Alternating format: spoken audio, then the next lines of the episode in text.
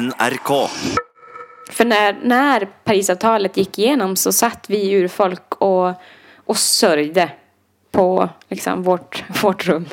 Är det sant? På, ja, och alla andra stod där liksom och klappade och hejade och vi kände bara så här, ja, fast det här var ju en domedag alltså. Jag ville prata om eh, klimaendringer fra et samisk perspektiv. Og da var det noen som tipsa meg om Janni Staffansson. Hon har eh, studerat kemi och bestämde sig tidigt för att ta en utdannelse. lära ett fag. för hon visste att först med titlar så hörer storsamfundet på urfolket. Hon jobbar för Samrådet med klima- och forskningsspörsmål. Vi pratade om det hon säger var den trista dagen Parisavtalen blev vedtatt. Vi pratade också om eh, bensinpriser och pensjonssparing.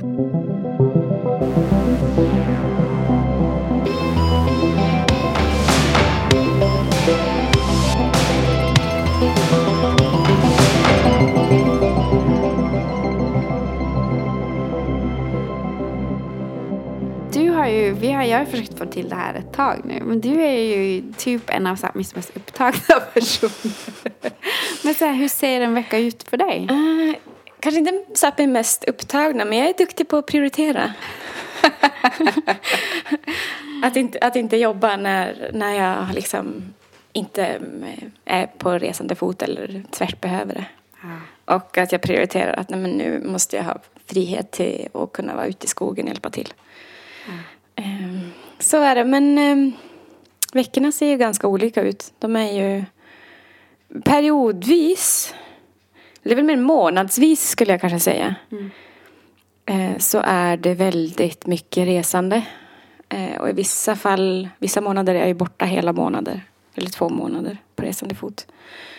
Och sen kan jag ha en månad eller två månader hemma. Och när jag är hemma så ja, men, tar jag det lugnt på morgonen. Eh, sen jobbar jag lite på förmiddagen. Eh, och så far jag runt och donar med allt som ska göras med hus och, eh, och renar och fodring. Eh, och kanske att man måste ut och kolla kanten på, på förmiddagen på dagen. Och sen kommer jag hem och så har jag då fått svar på de mejlen jag skickade på förmiddagen. Så svarar jag tillbaka på dem. Så läser jag en hel del dokument. Så det är ganska mycket sitta i soffan och läsa tunga dokument och kommentera på dem. Eh, och kolla upp eh, och lägga in fraser som jag har önskat ha i de dokumenten. Typ. Sen skickar jag iväg det. Läser en hel del forskningsrapporter. Eh, sammanställer dem. Ja, sant. Shit. Hur, men, du får ju först berätta, för jag har ju lite koll, men din, din, vad du gör. Mm.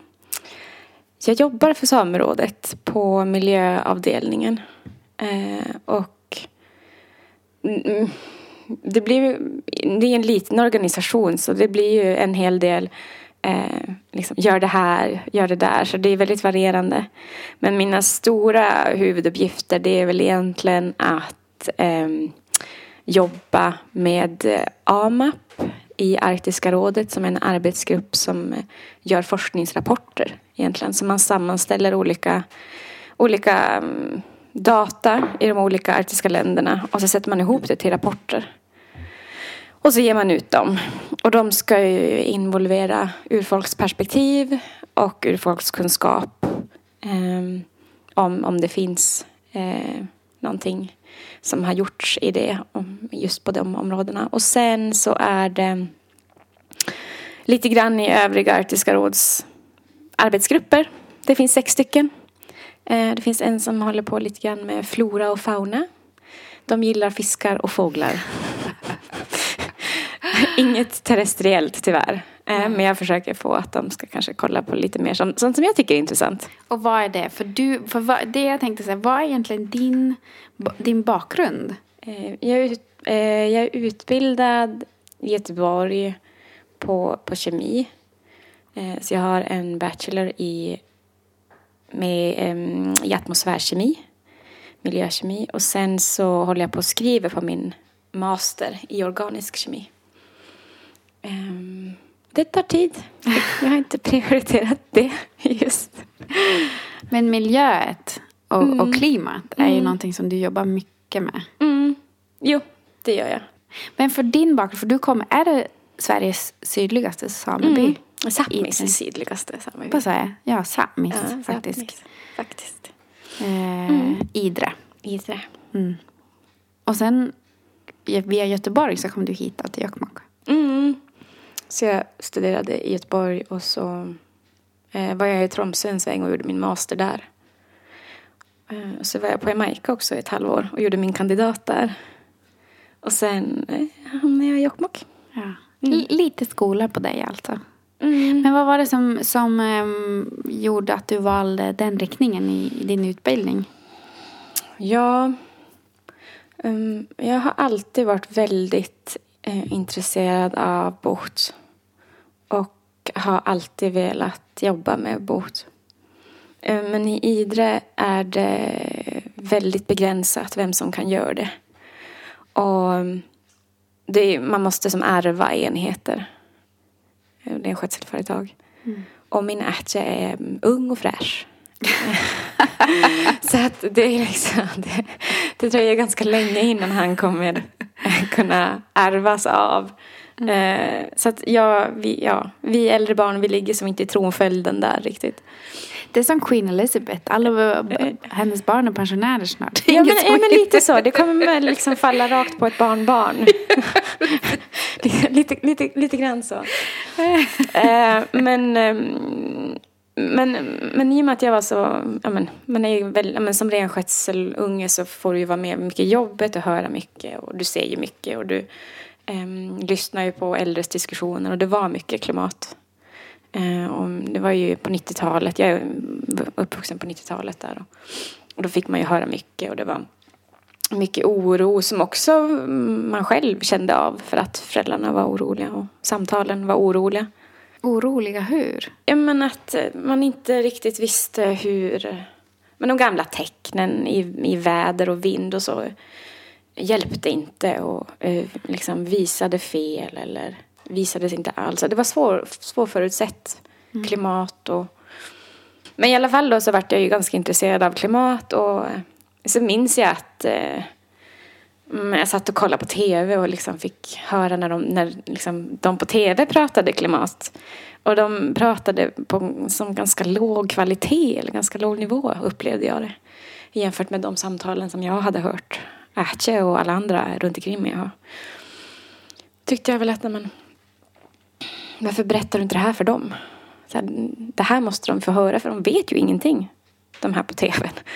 Och Ätje tyckte att, nej men, äh, det spelar ingen roll vad jag säger, de kommer aldrig lyssna på mig. Så de har varit ganska mycket, mm, mina, mina och mina farbröder de har pratat mycket om att så här, utbilda sig måste man göra för då kommer folk kunna lyssna på Säme. Och väldigt så peppande eh, i utbildnings... Och så här, in, ja och det är väl klart, jag var alltid nyfiken. Jag har alltid varit nyfiken hur saker och ting fungerar. Och varför ja, men du kan använda vissa grejer i naturen som plåster, eller som te eller som medicin. Eh, och då insåg jag väl att kemi är väl det som kan ge svaren på det, typ. Och så blev det på den vägen. Sluthistoria. Men, men man tänker mycket nu och man blir ju lite så här, hm, det här går ju verkligen helt åt skogen. Men gör det det? Eller så här, hur? För jag vet inte, det är så stort den här frågan med klimatet just nu. Att man nästan inte kan vara för påläst. För man, för man vill liksom börja med så här, om du ska förklara för ett barn som är tio år. Så här, hur, kom, hur står det till med liksom världen nu egentligen? Ja. Ehm, det är klart det är en jättestor och tung fråga men eh, för att svara på din första fråga så nej det går inte så bra för världen just nu. Och ja, det är verkligen så illa eh, som vi får höra och som folk säger. Ehm, och mycket av att man inte förstår vidden av det har väl att göra att mycket, alltså, du kan inte se det. Det är som lite med kärlek. Det finns där men du kan inte se det. Men ibland finns det mängder av det och ibland finns det inte alls. Du märker det. Lite så är ju atmosfären också. Att det pumpas ut så mycket gifter just nu som är giftigt för vår natur som vi känner idag och för oss. Men vi ser det inte för att det är så smått. Det betyder liksom inte att det inte finns där eller att det inte är farligt. Mm. Eller att man måste hantera det. Um, men, eh, och för att beskriva vad som händer um, som till ett barn, det är att um, vi har ju under så lång tid nu ehm, misshandlat vår natur. Och mycket för att många inte förstår sig på den. För att de inte vet hur de ska ha, ta hand om den.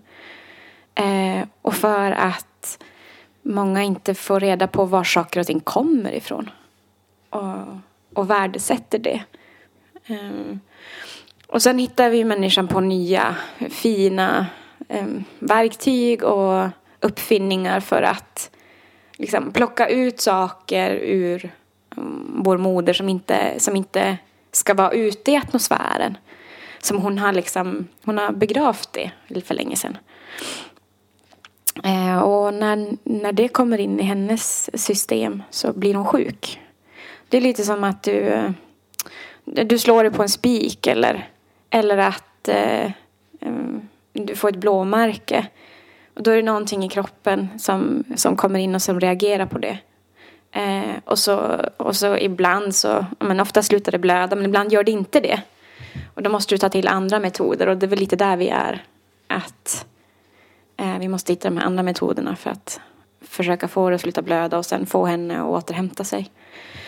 Eh, men det är ändå, alltså det finns ju ändå någon slags av um, anpassningshopp och förmåga. Eh, och jag tror ju att jag är övertygad om, alltså moderjorden har ju funnits här hur länge som helst och hon kommer ju fortsätta anpassa sig. Mm. Frågan är bara om vi finns kvar tills dess. Ja, för det går ju, den tar ju lång tid på sig att anpassa ja. och vi är ju så snabba. Ja. Uh, och nej, så att och vi vet ju att vissa djur kommer inte överleva. Och det är jättemycket djur som, och arter som dör ut i en fruktansvärd takt. Uh, och det är ju jätte... Det är ju en sorg att allt fina som har skapats i världen inte ska finnas kvar för att vi, för att vi sabbar och för att vi tar död på det. Mm. Mm. Det är ju helt sjukt faktiskt. Jo. Vad var det nu? Alltså, orangutanger kommer dö troligtvis, eller kan komma dö ut om tio år. Mm. För att deras eh, hem inte finns längre. Nej, där de är. Vi vill äta alla de här dåliga produkterna som finns i som säkert 90 procent hamnar i soporna också. Med också. annat också. Jo, ja. precis. Mm. Men det, alltså, det har ju lite att göra med kunskap och så har det lite att göra med uppfostringsmoral mm. och val. Um, men sen är det ganska mycket att säga, alltså ganska mycket att göra med att, så här, att skapa lagar och strukturer i ett samhälle mm. uh, som har bra värderingar. Och det är väl lite där vi inte riktigt lyckas just nu. Ja, men precis. Men om du skulle säga så här, de tre största utmaningarna just nu? Konsumtionssamhället, tänker jag, är det största. För oss här. Mm. Um, att, alltså... Att man hela tiden ska ha nya fräscha och inte tänker på att så här, göra inköp, eh, kvalitetsinköp som håller länge. Eh, och jag menar klädindustrin, den ger mig huvudvärk. Eh, och att... Men så, så det känner jag ju är en utmaning. Men så kommer det fina innovationer till exempel. Att, men I stora städer ser man nu att man kan hyra kläder istället. Är det sant? Ja. Då kan man liksom ha ett lånekort och så får man hyra kläder alltså per vecka eller två mm. veckor. Och så, så som man går på biblioteket. Mm. Och så är det fint tvättat när man får det och rent. skönt att slippa tvätta kläder. Då kan du bara gå dit varje vecka och plocka ut ett nytt gäng. Ja. ja. Um, för det är klart att det liksom finns en skärm med att klä sig som man mår och få visa det. Och, men um, jag tänker också att man måste ta ett ansvar. Man kan inte bara köpa, åh det är på rea, nu kostar den bara 50 spänn. Ja, fast hur mycket kommer du använda den här då? Alltså att man, sätter, att man får eh, lite utbildning och liksom tankeställare på, på vilka kläder du behöver och mm. så här, mm. vad behöver du för att sätta ihop en garderob. Och, mm. eh, och det tror jag inte ungdomarna tänker på eller folk idag. Och det kan ju ha att göra med att ungdomarna gör som, som vuxna gör.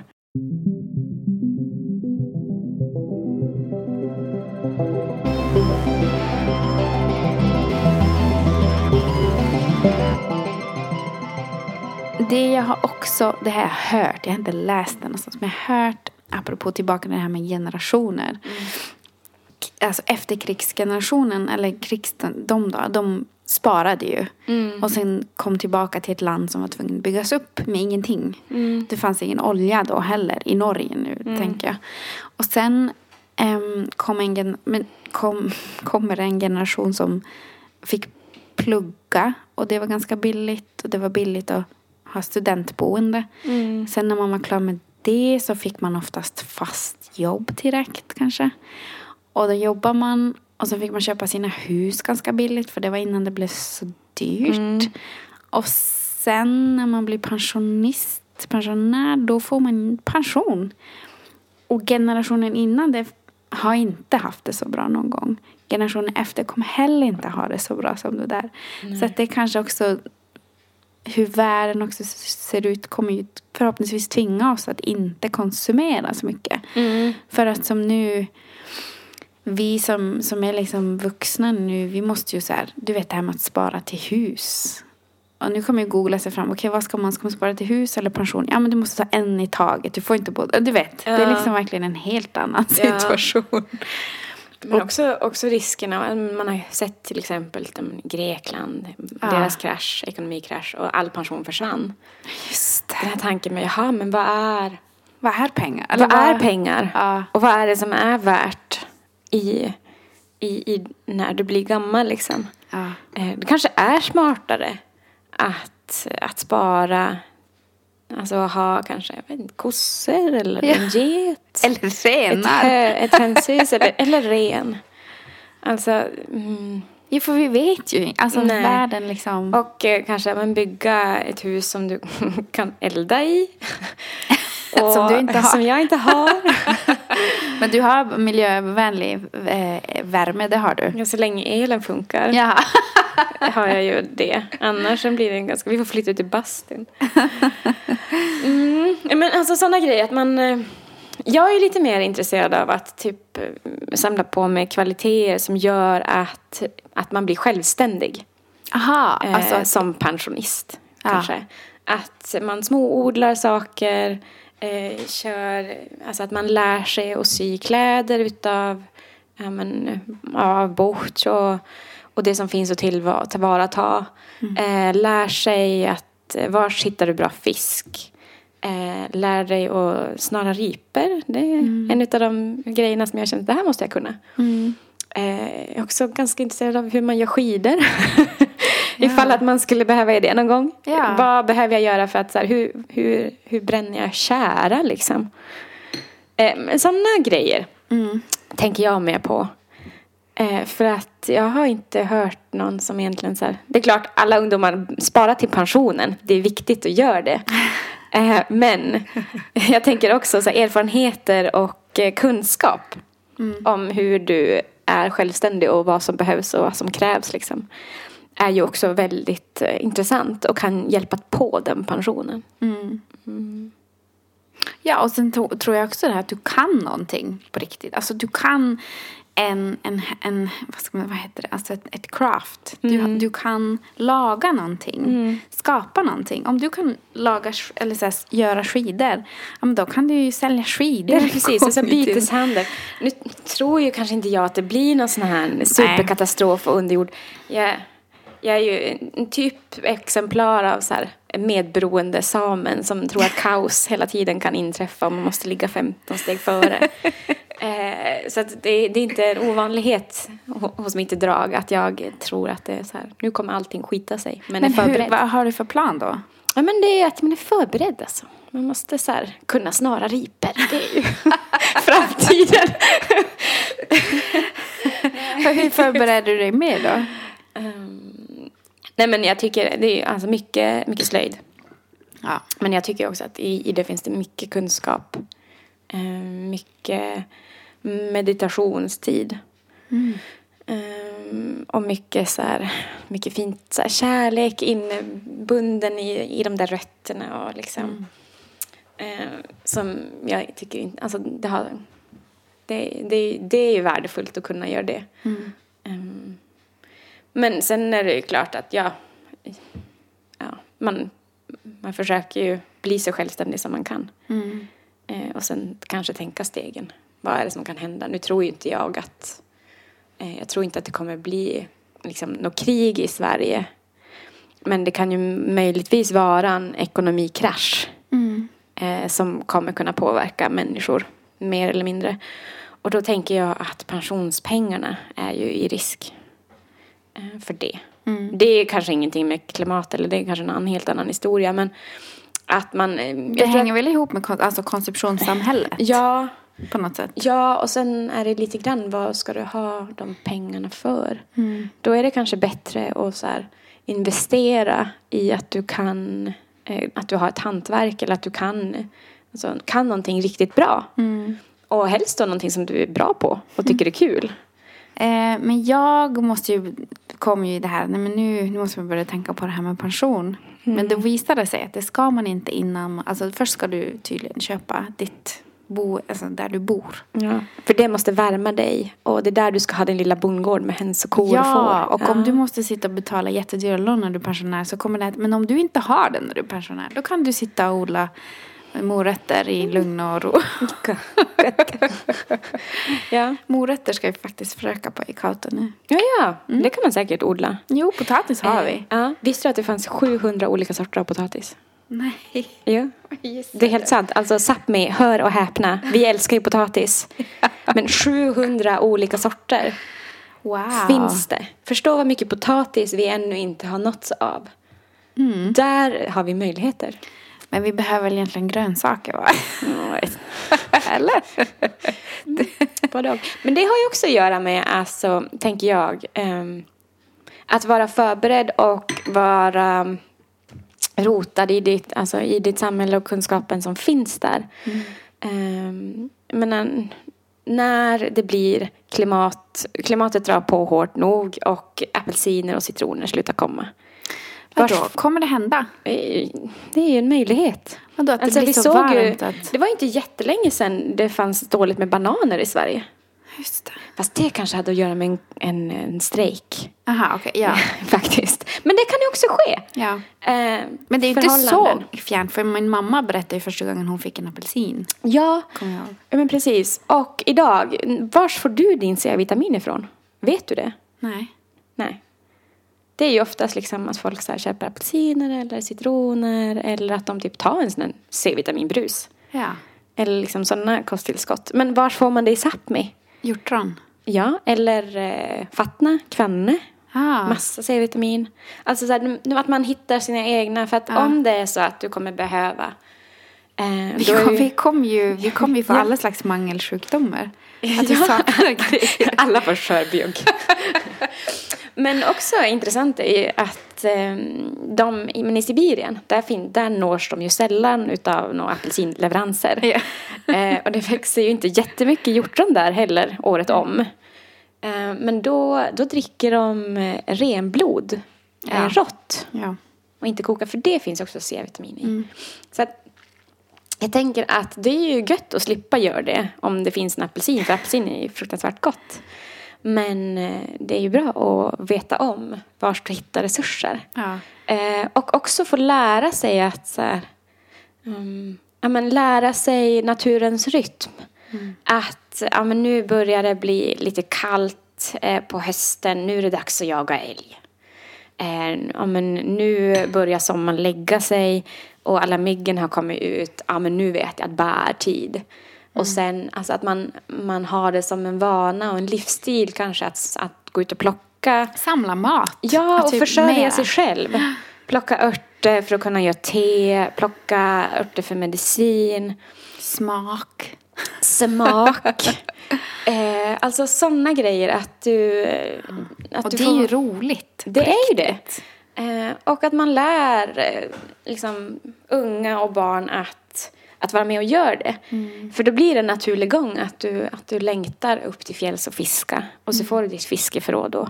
Och sen har du så att du kan klara dig själv. Och den kunskapen önskar jag värdesattes lite högre än vad den gör idag. Att få spendera tid ute i naturen och, och samla. Um, det tyckte jag också var så himla fint. Jag hade ett samtal med en kulturbärare eh, om, om rätten att samla ihop. Liksom, the right to harvest. För andra pratar ju om att men, jordbrukare, den här plätten odlar vi på. Och man odlar. Och att odlare liksom, i Sverige i alla fall, får ganska så här, lantbrukare får ganska hög status. Och får mycket hjälp. Men alltså Sápmi, hur fint är det inte att vi, vi liksom skyddar marken och biodiversiteten så att man ska kunna samla det som finns där. Och liksom växter och djur som gynnas av varandra, som du inte kan odla. Men du kan främja det genom att skydda marken. Mm. Och då hittar du kvanner där. Du hittar liksom den örten på den där platsen. Det finns hjortron. Mm. Eh, det finns andra bär. Du kan hitta granskott. Du kan hitta björklöv och björksav. Alltså att ha den här diversiteten och att eh, på något vis faktiskt erkänna liksom, det värdet. Att vi behöver inte odla någonting här. Mm. Vi behöver bara skydda liksom, marken och att det inte blir någon sån här superplantage av tall. Mm. Eh, och biodiversiteten. Ja, men alltså använda naturen ja. också. Så det är en sån... Det är som en skev syn på, på naturen. Alltså att västvärldens folk anser sig inte vara en del av naturen. Ja. Att så här, när du har Skyddas ett ekosystem mm. då är inte människan en del av det ekosystemet. Mm. Medan Samie ser ju att alltså, vi är ju en del av ekosystemet och vi hjälper ju ekosystemet. Alltså vi hjälper ju renen att hjälpa andra. Mm. Eh, och när vi, och det är också när, när vi samlar då tar vi ju inte rubbet eller allt på en och samma plats utan man plockar lite här och var. Och så lämnar man något andra som kommer sen. Eh, Medan du har... En väldigt inte kapitalistisk konsumtionssätt ja, att tänka på. Ja, och, och jag tror att eh, liksom skevheten är där att vis, vilket folk som fick status, det är det det har att göra med.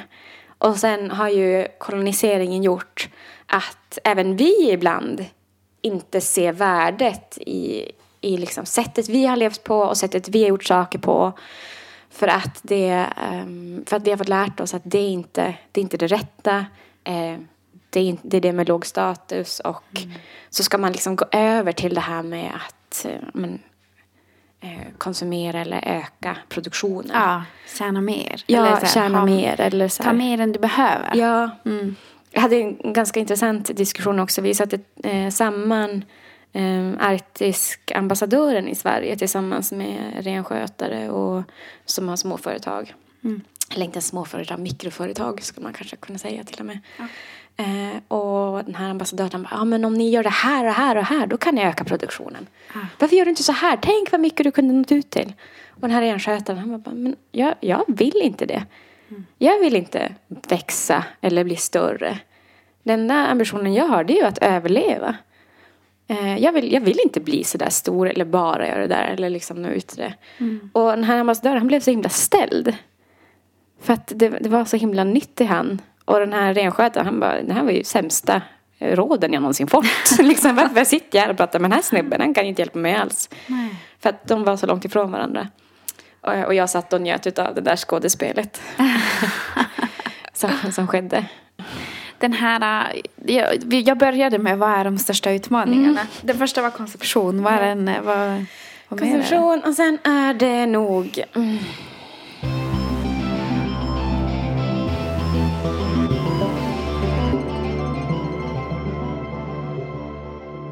Jag tänker att eh, Utmaningarna är ju liksom maktförhållanden. Och det är någonting som vi ser mer och mer av.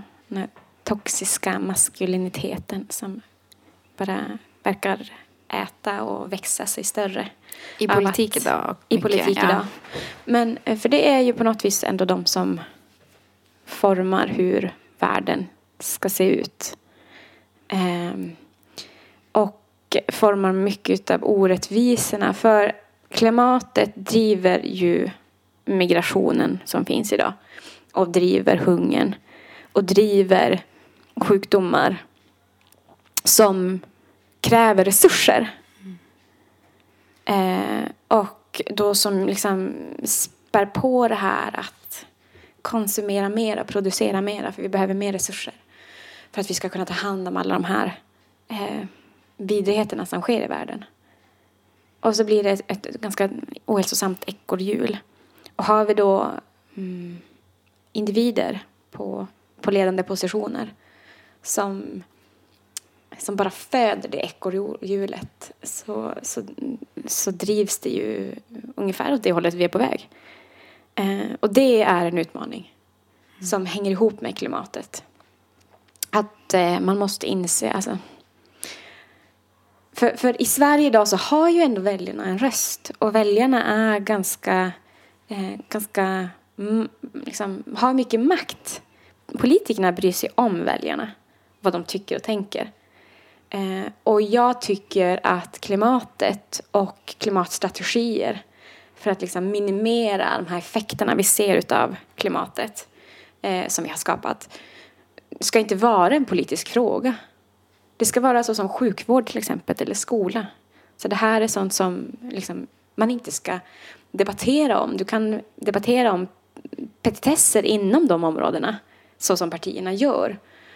Men det är liksom ingen, inget parti som säger vi ska inte ha gratis skola. Liksom. Och så bör det vara med klimatet också. Och klimattilltag.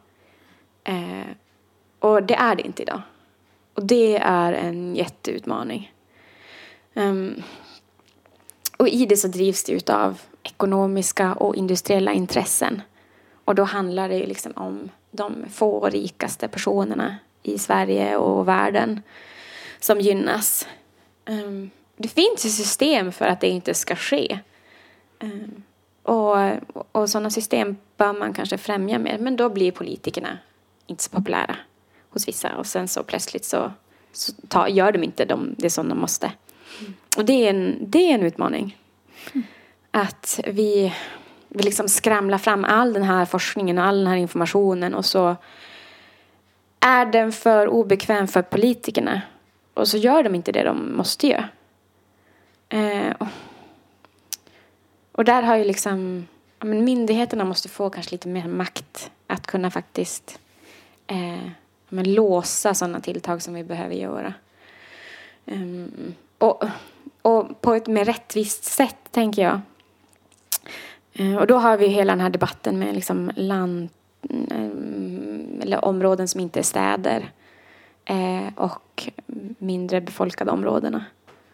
Att ja, men bensinskatten, alltså bensinen här uppe är ju helt i det är liksom inte en, ett normalt, eh, en normal kostnad för det som man på något vis behöver för att kunna ha, en, ha ett liksom standardrättvist liv i Sverige idag.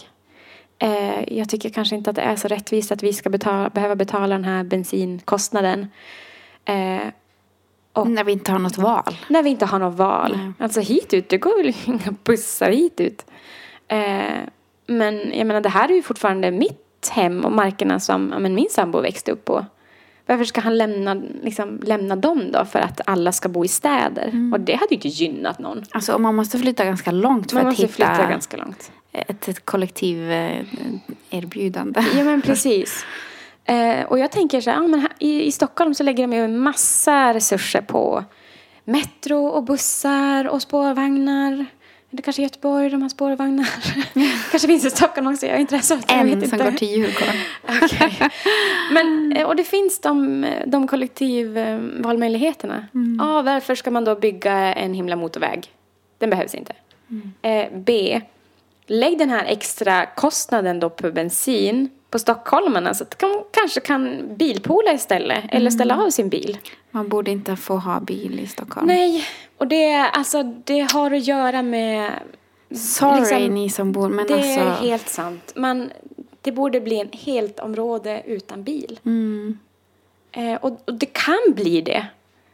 Men då behöver vi ha starka visionärer och folk som investerar på ett långsiktigt sätt och smart. Ja, för du menar att det borde vara billigare med drivstoff här uppe? Ja, det är inte... Det alltså, 17 kronor var det nu när jag ja, tankade. det är mer igår. Eller ja, Nej. 17,15 tror jag att det är. Åh, det Alltså är det, inte... det kan inte gemene man leva på här. Vi har inte Stockholmslöner liksom. Nej. Och vi måste... Alltså det, Ja. Men då kommer ju nästa diskussion. Ja. Elbil. Ja, och alltså jag är övertygad om att eh, elektricitet är ju framtiden för drivmedel. Och jag är övertygad om att läggs det ner resurser på det så kommer man hitta bra sätt för att, för att optimera liksom, in, uppfinningarna som redan finns. Men vi är inte där nu än, eller? I Stockholm så kan man ha elbussar.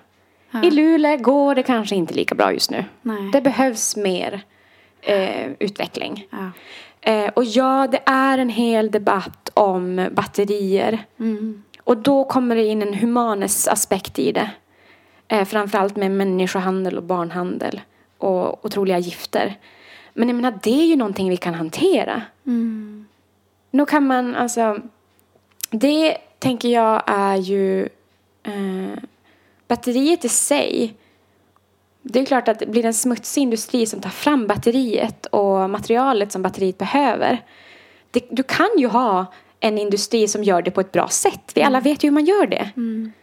Eh, och jag tycker kanske inte att just den debatten är så rättvis för batteriet. Då måste man kanske kräva eh, att, man, att man köper in batteriet och de, mm, Ja, de råvarorna från Ja. ett bolag som gör det på ett rätt sätt. Ja. Och då kan marknaden driva fram humana förhållanden för de bolagen. Mm. Eh, och jag menar, så jag tycker den här shaming på, på elbilens batteri Mm. är eh, lite uttagen ur dess kontext. Gud vad spännande att få lite ja, men kontext faktiskt. Ja. Ehm, och sen tycker jag, klart att gruvor är ju kanske inte det bästa. Men du kan ju också åt, alltså du måste optimera Mm. Åter- återanvändningen. Ja. Det men nu har vi som sa- skrot och alltså sk- skrot överallt. Ja. Alla, alla små orter har ju en liten skrotplats. Och vi tar hand om det och vi optimerar det. Men man måste kanske utveckla hur man återanvänder det. Ja, för det läste jag. För det har ju varit mycket snack om Repparfjordgruva i Norge. Mm. Att hade vi återvänt det vi redan har så hade vi inte behövt en gruva. Eller hur? Ja. Och, eh, och, och där har vi ju, alltså där har vi ju möjligheter. Ja. Sådana möjligheter. Alltså hitta sätt att återanvända, att återanvända metall och återanvända batterier. Och där har du ju också Där, någonting som industrin. Om folk bara vill tjäna pengar så finns det ju faktiskt Ja, pengar att tjäna det är där. billiga råvaror. Ja. Satsa på det. Alltså, och där tänker jag, för då behöver du inte. Vi har, vi har nog material i världen nu Mm. som vi har tagit upp under så lång tid. Så vi behöver inte fler gruvor. Vi behöver inte det, men vi behöver hitta sätt som vi kan, som vi kan återanvända material vi redan har. Mm. Eh, och då krävs det kreativitet, innovativa personer, eh, resurser till forskning. Eh, och liksom att... Mm. Det att har forsknings- Norge. Resurser till sånt. Resurser har Norge. Måste bara... Men då har du ju någonting som Rösta. driver och starka människor, den här toxiska, tox, toxiska maskuliniteten som driver konsumtionssamhället. Eh, så där har du mina tre utmaningar. Konsumtion, ehm, nu skulle jag lista upp dem så fint här. Det var Ja, två. konsumtion, återanvändningen. Det var den jag kom in på sist. Just det. Och sen den här makt, Ja. maktstrukturen idag som inte funkar för att vi ska kunna ha en hälsosam värld att leva, upp, alltså leva i. För oss och för våra alltså ganska snart kommande generation, typ generation som föds nu De. som inte kommer ha en så hälsosam värld att växa upp och leva i. Hur då? Men de som föds nu, alltså när vi är om 50 år, om 100 år, då är de egentligen bara, men, eh, då är de gamla. Och så kanske deras barn då får växa upp i en miljö som, som inte kommer se ut som den gör idag. Och det vet vi redan. Men, men hur kommer det se ut? Men klimatet pallar ju inte så mycket mer. Alltså vad hade vi, vad hade vi i Sverige idag? Eh, eller i år? Eh, första dagen när vi fick meteorologisk sommar, dag två så brann det. Det var typ fem bränder i Skåne. Och det var bara maj. Dag två på meteorologisk sommar, Sverige brinner igen. Eh, och i det så, men förra veckan, Sibirien brinner. Jättemycket och det rapporteras knappt på. Eh, och samtidigt då så pratade jag med min kompis i Chad. Hon, är, hon tillhör nomadfolket i Chad. Och de hade 48 grader Celsius. Och det är bara maj. Alltså, det kommer... Det kommer förändras och jorden kommer se väldigt annorlunda ut om 50 år bara. Om 100 år så kan jag, jag kan inte ens... Jag kan inte ens fantisera om hur den skulle kunna se ut om 100 år. Eh, men vi kommer ju ha jättestora... Eh, vad heter deserts? öken. Öken. Ökenutbredningen eh, accelereras ju med det här klimatet som sker nu. Isarna smälter, havet stiger, öar läggs under. Eh, vi får mindre landmassa. Folk migrerar. Eh, det kommer bli mer krig för folk migrerar. Och folk kommer slåss om vatten. Eh, och vi har ju ja, men, låga vattennivåer i Sverige. Det är så här, år fem vi har det. Eh, att det, det är sådana stora det är sådana stora moment som har satts i rullning och som påverkar varandra. Så att det blir svårt att ens föreställa sig. Alltså när du, när du ändrar havsströmmen, då ändrar du fisken, du ändrar allas liksom, migrationsrutter. Folk kommer behöva hitta, eh, ja men vars hittar du fisk? Oh, helt plötsligt är det på det här stället eller så är det under den där årstiden. Eh, och då blir det, då påverkar det ju vad du äter, när du äter, åtgången eh, och planeringen. Och så kommer det bli konflikter eh, om det. Och, och då blir alltså det är ju rättigheter som kommer in här och spelas och som kommer behöva styras utav en hälsosam mm, grupp i makt. Och det är det inte idag. Eh, och samtidigt som man kommer behöva konstant behöva få ett flöde av information från forskarna för att veta hur allting ligger till eh, och ha dem i dialog med folk som känner naturen. Och som kan ge en, så här, en liten aning om att ja, fast det brukar hända så där, det brukar ske det där. Eh, efter det där vädret så brukar det här komma. Eh, som kan sätta sådana i system. Och där det är egentligen ju... det du gör. Ja. Eller det är det du gör. Det är det jag försöker göra i vart fall. Ja. Jag försöker vara den där länken. Som, är, som, får, som får tillgång till all den rika informationen som, som vårt folk har. Eh, och som kan meddela det till forskare. Mm. Eh, som får ut information. Och sen försöka se vad är det vi, vad är det vi kommer behöva hantera. Eh, men då måste ju som de mötesplatserna och den relationen måste skapas och den finns ju inte idag på, på ett systematiskt sätt. Och om den finns då eh, tenderar politiker att välja lite vad de vill ta ifrån den här forskningsrapporten. Något som säljer tid. Något ja, något som de gillar. Väljare. Ja, något som de tycker att så här, det här tycker jag är roligt. Blir, blir du liksom, tappar du modet ibland? Eller någon gång? Oh ja, hela tiden. eh, hela, hela tiden gör jag det. Och frustrationen. Men, eh, men du lär dig också Alltså, du blir inspirerad av när du är runt människor som, som bara hittar så här, att de som bara fortsätter trots alla motgångar. Alltså Idre, att växa upp i Idre med all den här vargen som finns, alla rovdjur som finns, mm. har ju varit otroligt krävande. Och många gånger har jag ju, trots min stora kärlek till renen, har jag bara känt att så här, det här går inte längre. Ätje, vi säljer bara ut det, det här funkar inte. Och ändå har han så här, nej men vi fortsätter. Alltså som så här, skakat av sig det och så går vidare. För det är så man gör. Det är säkert så han har sett sin generation innan göra. Och när du ser det och bara, ja ah, men det funkar, det funkar idag också, det funkar imorgon. Och så fortsätter du. Och lite utav så här, att vara runt människor som, som ser det där. Mm. Och som på något vis kan eh, rota en. Och kan vara typ ett ankare när du kaosar. Eh, den här vintern har ju varit jätte, jätteoroande. Det var en jättehöst som påverkade dåliga isar och som men, våran sida hade ju Norrbottens sämsta bete i år. det var ju Grattis välkommen det, hit. ja. Ja, jo, det var en vinst. Eh, och ändå då har man så här, min svärfar som sitter och är så här lugnet själv. Medan en annan bara så här, "Ah, det är farligt överallt. Det är laviner och det är isar som brister och det är snöförhållanden som inte är bra. Eh, och man själv känner sig som en storm. Och sen så kan han bara så här, med typ en mening ankra en igen. Liksom ta en ner på jorden och så här, fast det är det här som är viktigt, det är det här som spelar någon roll.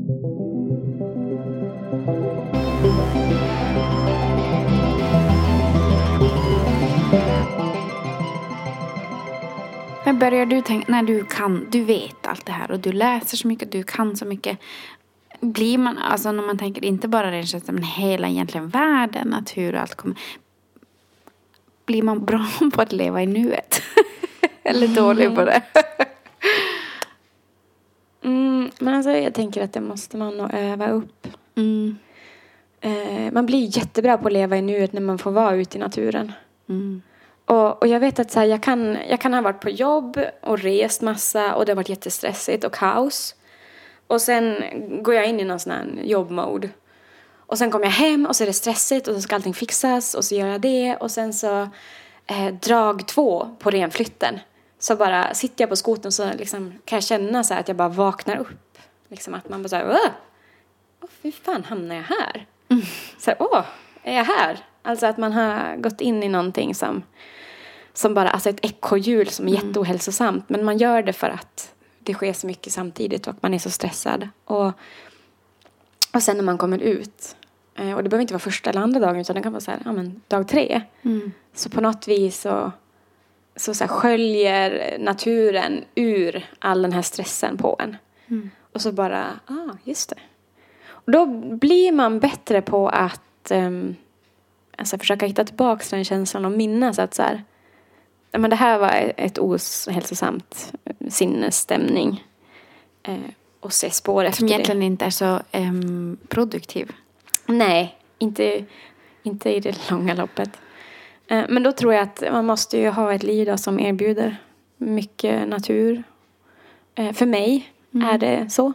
Och sen eh, har man inte det, vilket jag kan tänka mig att man har i städer, så tror jag att det är lite svårare att komma ifrån det där.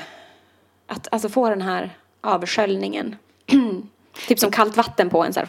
Ja, men jag, jag kan känna igen det lite i och med att bott både i, i storstad och kommit hem nu. Att man, man är liksom lite längre bort från alla problem på något sätt. Jag vet, även om man märker uppvärmningen här också, som de ju säger. Eh, Men man känner ändå sig lite tryggare på något sätt. Ja. Mm. Jag minns när jag, när jag bodde i Göteborg då hade jag jättesvårt att hitta det där som sköljde av en stressen. Eh, och som tog en tillbaks till så här, leva i nu. Eh, och det var vissa grejer jag gjorde då för att hitta tillbaks till det. Men så vet jag också någon gång så satt jag, det var ju så en superstorm och det var så här blixtar överallt som det kan bli på västkusten. Och det var ju så här, wow, jag älskar blixtar och oväder. Så jag satt där ute på min balkong och bara mös och kollade på den här hysteriska stormen och blixtrarna som bara svärmade överallt. Eh, och jag så här, åh mysigt, härligt. Och sen rapporteras det bara en jättestorm, jätteovanlig, jätteovanlig den här tiden. Eh, och i och med att jag då inte var uppvuxen på västkusten så visste inte jag vad som var normalt och inte. Och idag så flyttar ju människor runt hela tiden. Så att det här att veta vad som är normalt för platsen eller inte eh, är nog ganska svårt. Och sen har du bara asfalt runt dig och allt som är liksom så kallad natur är egentligen planterade träd som alla andra arrangerar. Då ser du aldrig naturen. Det enda du ser det är kanske så fåglarna som kommer in då och då. Men annars så har du ingen natur runt dig. För jag räknar inte liksom ja, men, parker som någon natur. Det känns ganska infängslat. De blir jättebegränsade. Hur de får växa, vad som får växa, när de får växa. Eh, och då, då tror jag att folk inte ser, ser det.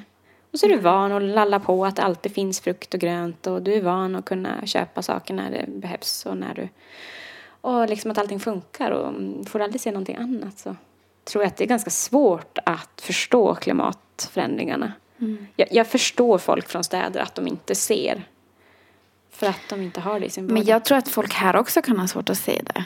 Eh, speciellt folk som inte kommer från renskötsel eller jobbar i det. Men hur, hur, hur har ting förändrat sig här uppe Mm. hos oss då? I norra Sverige då? Ja men mycket väl. Alltså idag har jag varit inne hela dagen. Inte har jag sett någonting utav naturen eller vädret. Alltså Men jag folk har ju också sådana innejobb.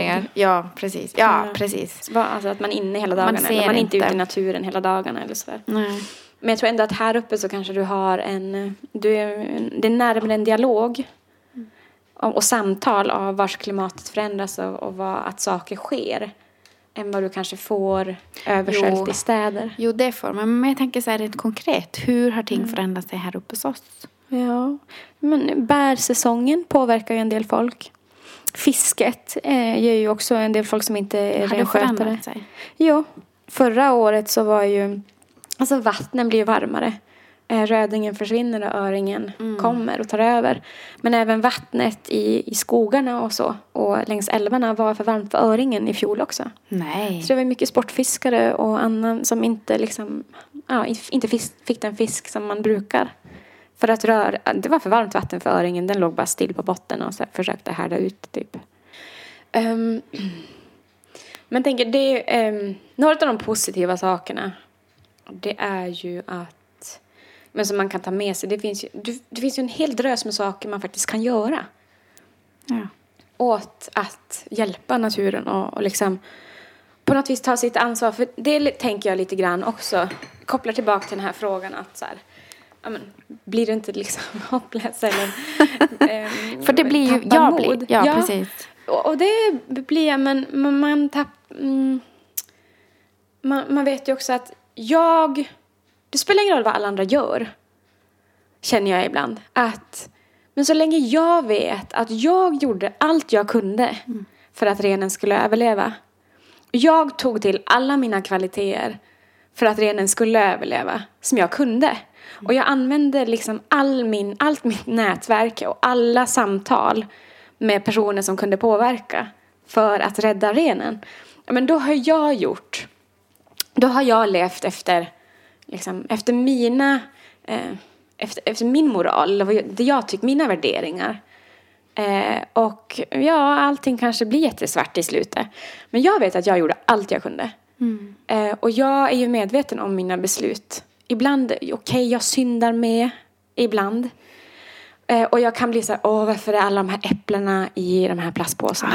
Eller de här avokadorna Ja. som ligger i den här, åh, nu kör jag bil.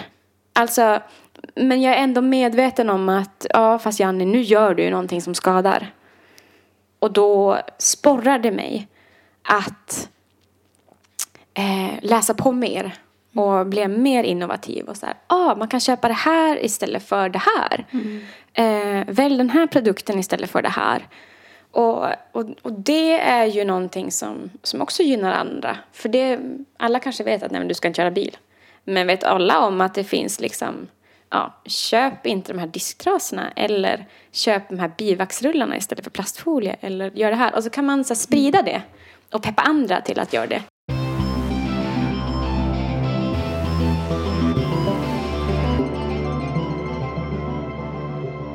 Så jag tänker att kunskap också, eh, att du vet att du syndar, då vet du att du också måste Där, redan där har man ju gjort någonting. Ja.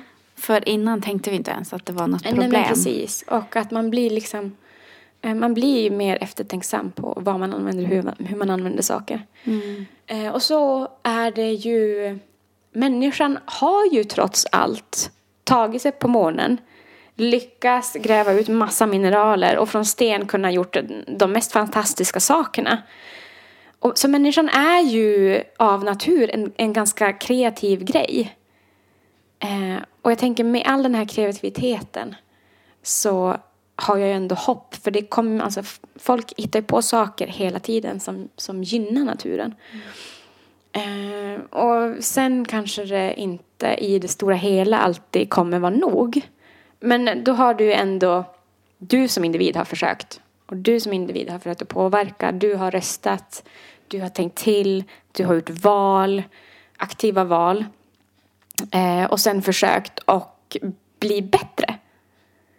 Och då kanske eh, den där energin med att här, försöka inspirera andra och informera om att så här, du, jag hittade den här bra grejen. Köpte det istället för de här plastgrejerna. Och när ska affärerna börja med att man eh, har så här glascontainers som man kommer med Ja, istället när du för- frågar efter det. Ja, just det. Nu måste Ja, jag börja fråga. det måste man ju fråga efter. Det är lika när jag flyttade till Norge. Hallå, vars var alla ekogrönsakerna? Ah, det finns ni- på en affär. Det var ju helt sinnessjukt. och, och när jag vecka efter vecka var och frågade efter mina ekogrejer. Plötsligt så låg de i disken istället för att de Nej. hade en påse bak i liksom, lagret till mig. Så då hade de liksom plockat fram det. Så att det är ju också, ja, jag var en individ som var ganska irriterande för många. Men istället då för att vara irriterande åt dem så bara, ja, vi lägger ut det här så slipper de komma och fråga efter det varje vecka.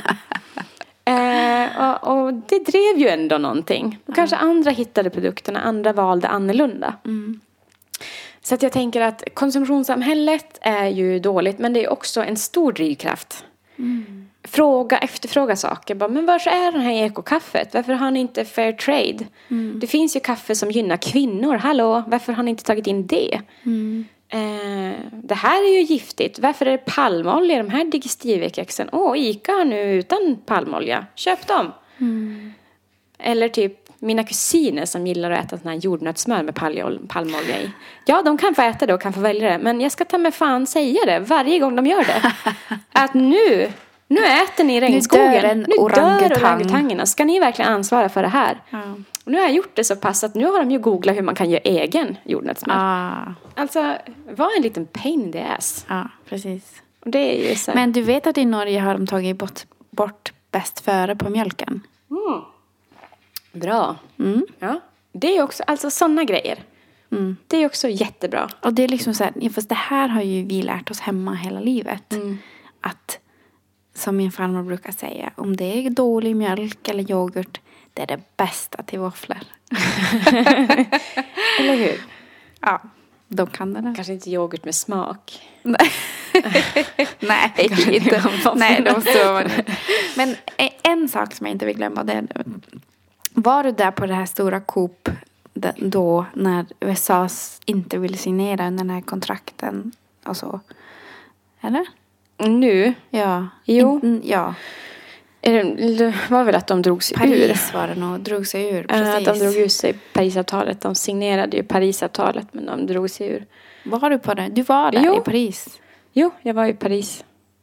Eh, Hur var det? Det var ju också en slap in the face för allt som... Ja. För, det, för mig började allt det här fokuset efter att jag hörde Johan Rockströms Sommar Ja. i P1. Eh, jaha, Och det var en sån wake-up call. okej. ja. Ehm, och så har man ju hängt med lite. Och sen kom den här Trump då. Mm. Och sen bara, oj, nu bara blev vi slått helt tillbaka. ja, nu ska kvinnor inte få bestämma över sin kropp bland annat. Nej. Ja, nej men... Mm, I min mening... Parisavtalet i min mening ehm, har ju ingen substans. Ehm, och andra internationella avtal, till exempel de som har jobbat fram och jobbar mycket med eh, ren luft, klimatavtal, eller inte klimat, men ren luft, eh, så koalition och lagar för att ha ren luft och eh, åtaganden för det. De var ju så här, men hallå, det står ju ingenting i Parisavtalet av värde, varför, varför firade de? Och, mm, och jag håller med. För när, när Parisavtalet gick igenom så satt vi urfolk och, och sörjde på liksom, vårt, vårt rum. Är det sant? På, ja, och alla andra stod där liksom och klappade och hejade och vi kände bara så här, ja, fast det här var ju en domedag alltså. Det finns ju ingenting i åtaganden som, som hanterar mina vänner och kollegor eh, på, på öarna i, i haven. De kommer ju liksom läggas under mark. Eh, det finns ingenting i Parisavtalet som egentligen kommer gynna Eh, min väns jord i Tchad. och ökenspridningen där och vattenbristen som är där nu. Alltså, Parisavtalet var, kände jag, mycket så här just for show. För att visa världen att vi visst försöker göra någonting. Men egentligen så, så innehåller det ingenting. Och det var mycket av saker i Parisavtalet som man inte ännu har eh, har enats om, till exempel finansieringen. Den frågan vill man inte ens röra. Så var ska finansieringen komma ifrån? Var ska resurserna komma ifrån? Och göra de här så kallade åtaganden som vi vill göra. Eller som är viktiga. Och där är det fortfarande liksom ingen land som vill träda fram och spåra andra och hjälpa till. Eh, och man har ingenting i de här åtagandena som man liksom föreslår i Parisavtalet att man ska försöka göra här och här, här. Som, det finns inga säkerheter för mänskliga rättigheter eller urfolksrätter. Så att vi känner väl mycket att så här, Parisavtalet kommer bara bli en drivkraft för att fortsätta kränka urfolksrätter och det ser vi också i världen idag. Alltså vindkraftsparkerna som bara äter upp renens mark. Eh, vattendammarna som, liksom, som byggs upp i regnskogar.